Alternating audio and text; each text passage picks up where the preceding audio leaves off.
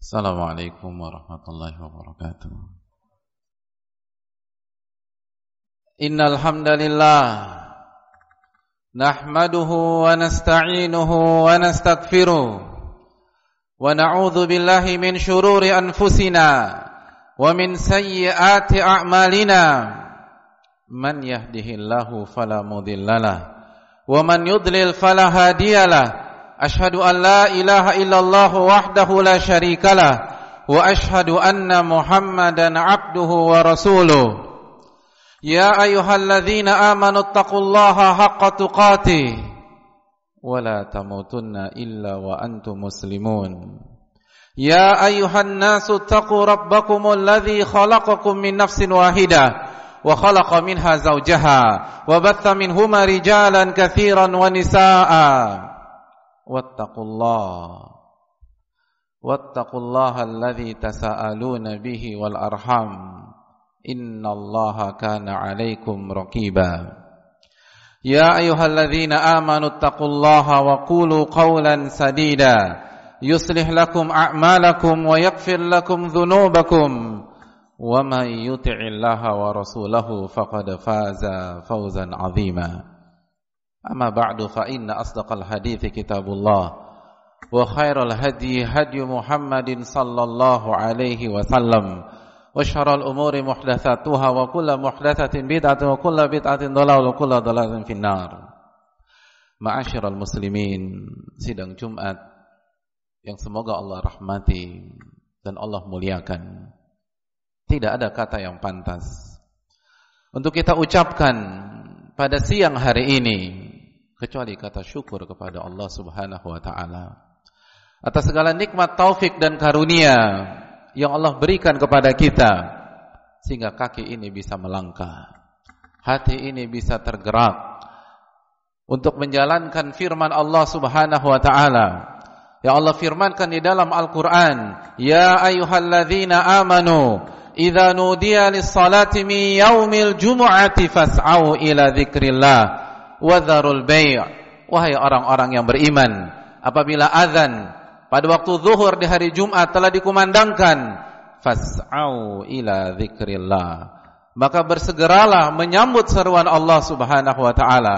Segeralah menghadiri salat-salat Jumat di masjid-masjid kita. Wadharul bai'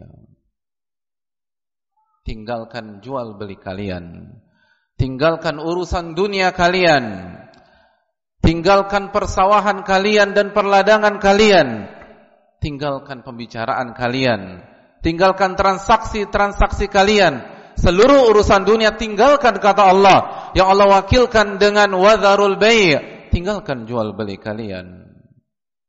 Ma'asyiral muslimin yang dirahmati oleh Allah. Kenapa Allah perintahkan kita untuk meninggalkan urusan dunia kita? Allah perintahkan kita meninggalkan transaksi-transaksi kita. Meninggalkan bisnis-bisnis kita. Meninggalkan pekerjaan-pekerjaan duniawi kita. Hadirin yang Allah muliakan. Allah jelaskan alasannya. Dzalikum khairul lakum in kuntum ta'lamun.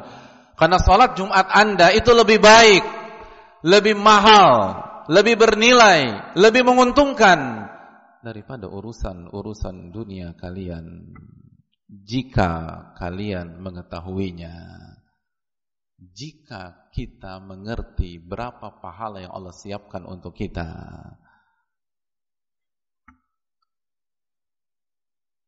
oleh karena itu bersyukurlah kepada Allah yang memberikan taufik kepada kita. Sehingga detik ini kita bisa mengerjakan sebuah kegiatan yang lebih mahal daripada dunia dan isinya. Ma'asyiral muslimin yang Allah muliakan. Selanjutnya salawat dan salam. Semoga senantiasa tercurahkan kepada junjungan kita, Nabi besar kita, Nabi besar Nabi Muhammad sallallahu alaihi wasallam beserta para sahabat beliau, ahli bait beliau dan seluruh orang yang istiqomah berjalan di bawah naungan sunnah beliau sampai hari kiamat kelak. Ma'asyiral muslimin yang Allah muliakan. Suatu ketika seorang ulama besar di masa klasik yang bernama Bishr Al-Hafi rahimahullahu taala pernah ditanya tentang orang-orang yang semangat beribadah di bulan suci Ramadan. Namun begitu memasuki bulan Syawal, berakhirnya Ramadan, maka hilang juga semangat mereka dalam beribadah kepada Allah Subhanahu wa taala. Orang-orang yang semangat membaca Al-Qur'an, menuntut ilmu agama di Ramadan. Kerjaannya ruku dan sujud ketika di Ramadan. Menjaga salat tarawih berjamaah. Lalu dihidupkan lagi qiyamul lail dan tahajudnya di tengah malam. Namun begitu satu Syawal datang, Lalu ia menjalani hari-harinya di bulan Syawal. Maka semua hanya tinggal kenangan. Hilanglah salat berjamaah di masjidnya. Hilanglah kecintaannya dengan masjid padahal dia beriktikaf di 10 malam terakhir. Hilanglah hataman-hataman Al-Qur'an tersebut. Ia lupa bahwa tugas dia di dunia adalah beribadah kepada Allah Subhanahu wa taala. Apa jawab Al-Imam Bishr Al-Hafi ma'asyiral muslimin? Beliau mengatakan, "Bi'sal qaum la ya'rifuna Allah illa fi Ramadan." Seburuk-buruk kaum adalah orang-orang yang tidak mengenal Allah kecuali di Ramadan. Seburuk-buruk kaum orang-orang yang hanya salat hanya di bulan Ramadan, yang tidak mengenal membaca Al-Qur'an kecuali di Ramadan yang tidak mengenal tahajud qiyamul lail kecuali di Ramadan, yang tidak mengenal lokasi masjid-masjid Allah kecuali di Ramadan, yang tidak mengenal infak, tidak mengenal sedekah, tidak mengenal birrul walidain kecuali di Ramadan. Bi'sal qaum. Seburuk-buruk kaum.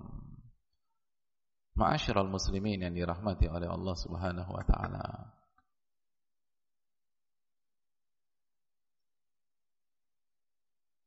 kita akan memasuki pertengahan bulan Syawal. Dan fenomena tahunan itu kembali terjadi. Atmosfer ibadah yang sudah kita bangun di Ramadan sedikit demi sedikit mulai luntur, luntur, luntur dan luntur.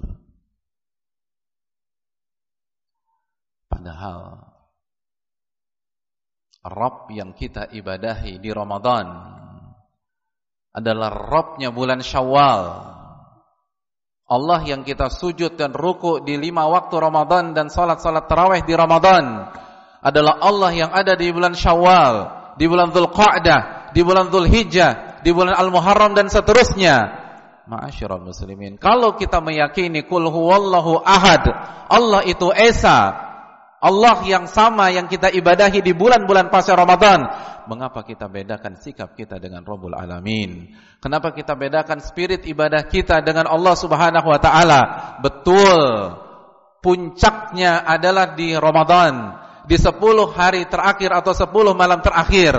Tapi kemerosotan yang begitu drastis itu tidak dibenarkan ma'asyiral muslimin yang Allah muliakan. Karena finish dan akhir dari ibadah bukan satu syawal, bukan suasana lebaran. Akhir dari ibadah, ibadah yang kita lakukan adalah firman Allah dalam surat Al-Hijr ayat 99 ketika Allah berfirman wa'bud rabbaka hatta ya'tiyakal yakin dan beribadalah kepada Rabb Anda sampai datang keyakinan. Sampai datang kematian. Sampai datang malaikat maut menjemput nyawa kita. Itulah akhir dari segala solat, puasa, zikir dan persembahan kita kepada Rabbul Alamin. Adapun jika hari itu belum datang, maka kita masih dibebankan syariat ma'asyiral muslimin. Kita masih diperintahkan untuk menjaga salat, kita masih diperintahkan untuk membaca Al-Qur'anul Karim, kita masih diperintahkan untuk memakmurkan masjid-masjid Allah, kita masih diperintahkan untuk menuntut ilmu agama, kita masih diperintahkan untuk mengamalkan apa yang terkandung di dalam Al-Qur'anul Karim dan hadis-hadis Nabi sallallahu alaihi wasallam yang sahihah. Ma'asyiral muslimin yang semoga Allah muliakan dan berkahi kehidupan kita semua. Nabi kita sallallahu alaihi wasallam bersabda dalam hadis yang dikeluarkan Al Imam Muslim, "Man shoma Ramadan, thumma atba'ahu sittan min Syawal, kana kasiyami dahr." Barang siapa yang berpuasa di bulan suci Ramadan, lalu dia lanjutkan dengan puasa enam hari di bulan Syawal, maka ia akan mendapatkan pahala setahun penuh dari Allah Subhanahu wa taala. Puasa di Ramadan Lalu enam hari di bulan ini kita hanya diminta memilih enam hari dari 29 atau 30 hari yang Allah sediakan di bulan Syawal. Maka kita akan mendapatkan pahala puasa selama satu tahun penuh. Ulama mengatakan karena satu kebaikan dikali sepuluh oleh Allah Subhanahu wa taala. Maka 30 Ramadan menjadi 300 pahala. Lalu 6 hari Syawal menjadi 60 pahala. Jadi kurang lebih satu tahun kita berpuasa. Ma'asyiral muslimin yang Allah muliakan. Mungkin ada yang bertanya, lalu apa bedanya dengan puasa puasa sunnah yang lain? Bukankah kita bisa mendapatkan keutamaan yang sama dengan puasa Senin Kamis? Kalau kita kerjakan selama 36 hari misalnya, Senin Kamis, Senin Kamis, Senin Kamis. Atau puasa Nabi Daud. Ma'asyarul muslimin. Ini dijelaskan oleh banyak para ulama. Di antaranya ulama-ulama madhab syafi'iyah. Dan bisa dicek dalam kitab-kitab syafi'iyah seperti I'anatul Talibin atau Mugnil Muhtaj. Bahwa pahala setahun penuh yang dijanjikan oleh Nabi kita sallallahu alaihi wasallam ketika beliau mengatakan barang siapa yang berpuasa Ramadan lalu ia lanjutkan dengan enam hari di bulan Syawal puasa satu tahun itu adalah pahala puasa wajib satu tahun bukan pahala puasa sunnah enam hari puasa wajib satu tahun enam hari Syawal pahalanya adalah pahala puasa wajib disejajarkan dengan puasa Ramadan. Oleh karena itu, ma'asyiral muslimin yang dirahmati oleh Allah, jangan sampai semangat kita terlalu jatuh sehingga untuk berpuasa enam hari saja kita tidak sanggup. Setelah kita bisa sapu bersih di Ramadan, minimum Allah hanya minta enam hari di bulan Syawal. Dan para ulama menjelaskan bahwa banyak hikmah yang bisa kita dapatkan ketika kita menjaga amal ibadah yang satu ini. Di antaranya kita buktikan konsistensi kita dalam beribadah. Kita buktikan keistiqomahan kita di dalam ibadah dan itu menunjukkan itu menunjukkan sebuah sinyal amal ibadah kita di Ramadan diterima oleh Allah Subhanahu wa taala. Karena para ulama mengatakan bahwa tanda amal ibadah kita di Ramadan diterima oleh Allah Subhanahu wa taala adalah keistiqomahan kita setelah bulan Ramadan. Ibadah kita di bulan Syawal, ibadah kita di bulan Dzulqa'dah, ibadah kita di bulan Dzulhijjah, itu yang menunjukkan bahwa amal ibadah kita di bulan Ramadan diterima oleh Allah walaupun tidak ada berita pasti dari atas langit. Tapi itu indikator kata para ulama. Al-Imam Ibn Rajab Al-Hanbali rahimahullah pernah mengatakan, "Jazaul hasanati hasanatu ba'daha." Sesungguhnya salah satu cara Allah memberikan ganjaran kepada amal ibadah kita yang Allah terima adalah amal ibadah berikutnya ma'asyiral muslimin. Wa jazaa'u sayyi'ati sayyi'atu ba'daha. Dan cara Allah menghukum seorang hamba karena dosa dan kemaksiatan yang ia lakukan, Allah akan mudahkan dia melakukan dosa dan maksiat di hari berikutnya di bulan berikutnya maka Syawal adalah cermin apakah amal ibadah kita di Ramadan diterima oleh Allah Subhanahu wa taala. Karena apabila diterima, maka hari-hari ini kita akan isi dengan ibadah kepada Allah. Kita akan isi dengan zikir kepada Allah. Kita akan isi dengan tilawatul Quran kepada Rabbul Alamin. Hadirin yang dirahmati oleh Allah Subhanahu wa taala. Bagaimana kita bisa bertahan 11 bulan ke depan jika di bulan Syawal saja kita sudah terjatuh dan tersungkur. Selemah itukah iman kita? Dan separah itukah kualitas ibadah kita di Ramadan? Ini adalah pembuktian setiap hamba kepada Rabbul Alamin. Ma'asyiral muslimin yang dirahmati oleh Allah. Lalu para ulama menjelaskan bahwa di antara hikmah diamalkannya puasa enam hari di bulan Syawal.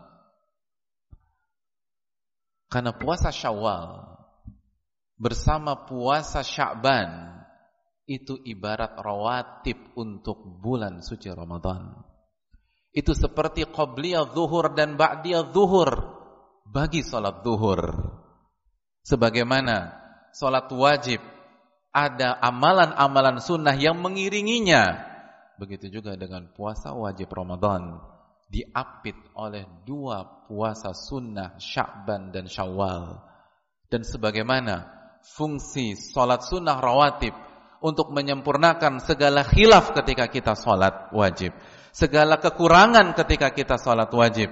Ketidakkhusyuan kita ketika kita solat wajib.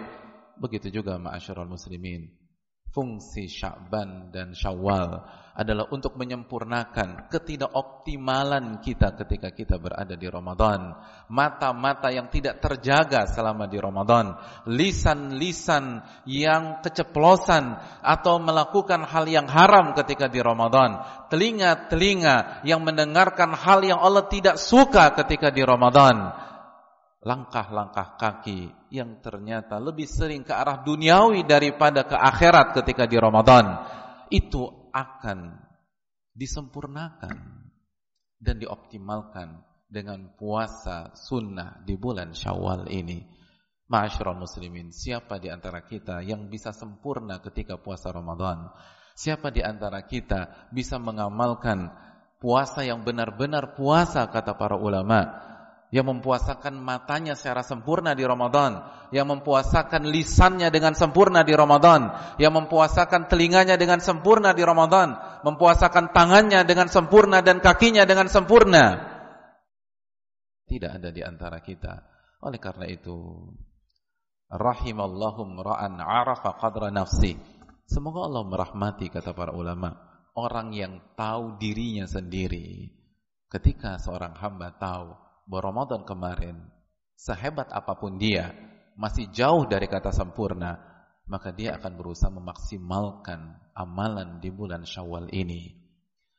Kalau tidak demikian lalu bagaimana pertanggungjawaban kita di hadapan Allah pada hari kiamat kelak?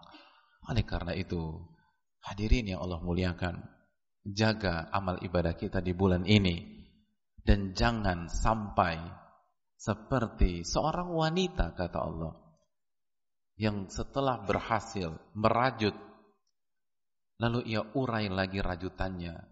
Wala takunu kallati naqadat ghazlaha min ba'di quwwatin ankatha. Jangan sekali-kali. Seperti seorang wanita yang merajut lalu setelah jadi rajutannya ia urai lagi rajutan-rajutan tersebut. Jangan sampai rajutan ibadah kita, rajutan tauhid kita, rajutan bacaan-bacaan Al-Quran kita, kita urai lagi dengan malasnya ibadah kita di bulan Syawal, sehingga semua kembali mulai dari nol dan sering kali minus di buku catatan akhirat kita nanti. Aku qouli hadza wa astaghfirullah li wa lakum. Alhamdulillah Alhamdulillahi wa kafa. Wassalatu wassalamu ala nabiyil mustafa wa ba'd. Ma'asyiral muslimin yang dirahmati oleh Allah. Salah satu.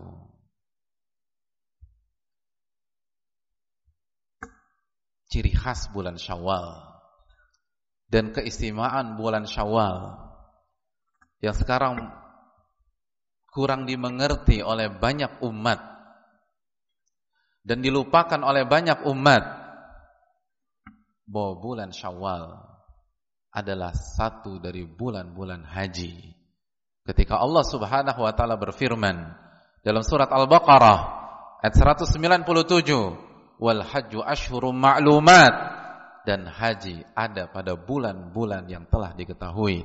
Dan para ulama kita sebagaimana riwayat dari Abdullah bin Umar dan ini penjelasan para ulama kita dari lintas madhab termasuk madhab Imam Syafi'i bahwa salah satu bulan-bulan haji adalah bulan Syawal oleh karena itu ma'asyiral muslimin yang Allah muliakan di bulan ini para ulama mengajak kita untuk membawa atmosfer haji di dalam kehidupan kita keseharian. Membawa atmosfer haji dalam setiap derap langkah kita bagi kita yang belum pernah berangkat haji. Jadikanlah momentum bulan ini untuk mendaftar haji. Karena kalau kita tidak daftar hari ini, kapan lagi kita mau daftar ma'asyurul muslimin? Dan kita tahu bahwa antrian di negeri kita luar biasa lamanya. Maka daftarlah secepat mungkin. Daftarlah begitu kita punya rizki. Begitu kita dikasih rizki oleh Allah subhanahu wa ta'ala. Hadirin yang dirahmati oleh Allah subhanahu wa ta'ala. Tidak ada satupun ayat di dalam Al-Quran yang mewajibkan kita punya rumah atau beli rumah. Tidak ada satupun ayat di dalam Al-Quran yang mewajibkan kita membeli sebuah mobil atau motor. Tapi Allah Subhanahu wa taala berfirman dalam surat Ali Imran, "Walillahi 'alan nasi hijjul baiti man istata'a ilaihi sabila." Dan di antara hak Allah yang harus ditunaikan oleh manusia adalah pergi haji jika dia mampu sampai ke tanah suci. Allah perintahkan kita haji ma'asyiral muslimin. Allah yang memberikan jantung untuk kita. Yang memberikan organ-organ tubuh untuk kita. Coba kita renungkan. Apabila kita punya masalah dengan ginjal kita. Lalu ada seseorang memberikan ginjalnya secara gratis buat kita. Lalu setelah satu tahun dari donor ginjal tersebut, dia undang kita ke sebuah negara di Timur Tengah tanpa dibelikan tiket dari dia. Kita disuruh modal sendiri. Apakah kita bisa menolak undangan dia tersebut? Tidak. Kita akan merasa utang budi. Dan harga tiket pesawat serta akomodasi tidak ada apa-apanya dibanding ginjal yang ia berikan kepada kita. Lalu bagaimana dengan Allah? yang telah memberikan semuanya untuk kita yang telah memberikan jantung untuk kita ginjal untuk kita usus 12 jari untuk kita yang Allah lancarkan pembuluh darah dalam diri kita. Yang kalau Allah pecahkan satu pembuluh darah di otak kita saja tidak ada satupun manusia yang akan menghargai kita. Kita akan tergulai kita akan jatuh dan kita tidak punya kehidupan sama sekali. Ar-Rahman Ar-Rahim itu mengundang kita. Sebuah hal yang sangat miris. Banyak sebagian dari kita sudah bisa menginjakan kakinya ke sebuah objek wisata, ke negara-negara lain. Padahal ia tidak pernah diundang sama bupati di objek wisata tersebut. Dia tidak pernah diundang oleh gubernur di daerah objek wisata tersebut. Dia tidak pernah diundang oleh presiden di mana dia pergi ke negara tersebut. Tapi Allah Subhanahu wa taala undang dia untuk ke Arafah, undang dia untuk ke Musdalifah, undang dia untuk ke Mina. Sekalipun dia tidak tertarik untuk pergi ke sana. Padahal Allah yang kasih semuanya untuk dia. Tidak punya waktu benar rizkinya dari Allah subhanahu wa ta'ala. Kecerdasannya dari Allah subhanahu wa ta'ala. Sawahnya dari Allah subhanahu wa ta'ala. Hadirin, Allah hanya minta kita ke sana minimum sekali seumur hidup. Kewajiban haji hanya sekali seumur hidup. Hidup ini hanya sekali. Masa kita nggak pernah ke sana? Masa kita nggak pernah berdoa di Arafah? Sebaik-baik doa, doa di padang Arafah tanggal 9 Dhul Hijjah alangkah ruginya kita diberikan kesempatan hidup puluhan tahun oleh Allah tapi tidak punya kesempatan atau tidak mau berusaha mendapatkan kesempatan untuk doa di Arafah padahal ia mampu adapun tidak mampu tidak ada masalah jamaah La wajib ma'al ajas dalam ilmu kaidah fikih. Tidak ada kewajiban kalau dia tidak mampu. Dan ayatnya pun jelas manistata'a ilahi sabila. Bagi yang mampu sampai di sana. Hadirin yang Allah muliakan. Tapi betulkah kita tidak mampu? Jujurkah kita ketika kita mengatakan tidak mampu? Bisakah kita jawab pertanyaan Allah pada hari kiamat nanti? Tetangga gampang untuk kita yakinkan bahwa kita tidak mampu. Teman mudah kita yakinkan bahwa kita tidak mampu. Tapi Malik Yaumiddin akan bertanya tentang uang kita satu demi satu rupiah tersebut. La tazulu qadama abdin yaumal qiyamah. Kaki seorang hamba tidak akan beranjak dari sisi Allah. Hatta yus'al an arba. Sampai dia ditanya tentang empat perkara. Dan di antaranya. Wa an malihi min aina tasaba wa fima anfaqah. Dia akan ditanya tentang uangnya serupiah demi serupiah. Dari mana dia dapatkan dan ke mana dia alokasikan. Dan Allah tanya kenapa tidak pernah berangkat ke sana. Padahal kalau dikumpulkan bisa jadi kita akan punya kemampuan berangkat bukan hanya sekali, tapi bisa jadi dua kali, tiga kali, empat kali. Tapi karena selama ini prioritas beli barang duniawi lagi, atau karena ketidakapikan dalam menabung untuk haji. Semua hanya tinggal kenangan ma'asyiral muslimin.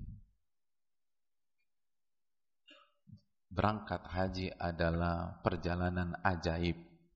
Nabi sallallahu alaihi wasallam bersabda, "Tabi'u bainal haji wal umrah." Selang-selinglah antara haji dan umrah. Fa innahuma yanfiyanil faqra wadh-dhunub. Karena haji dan umrah akan menghilangkan kemiskinan dan dosa.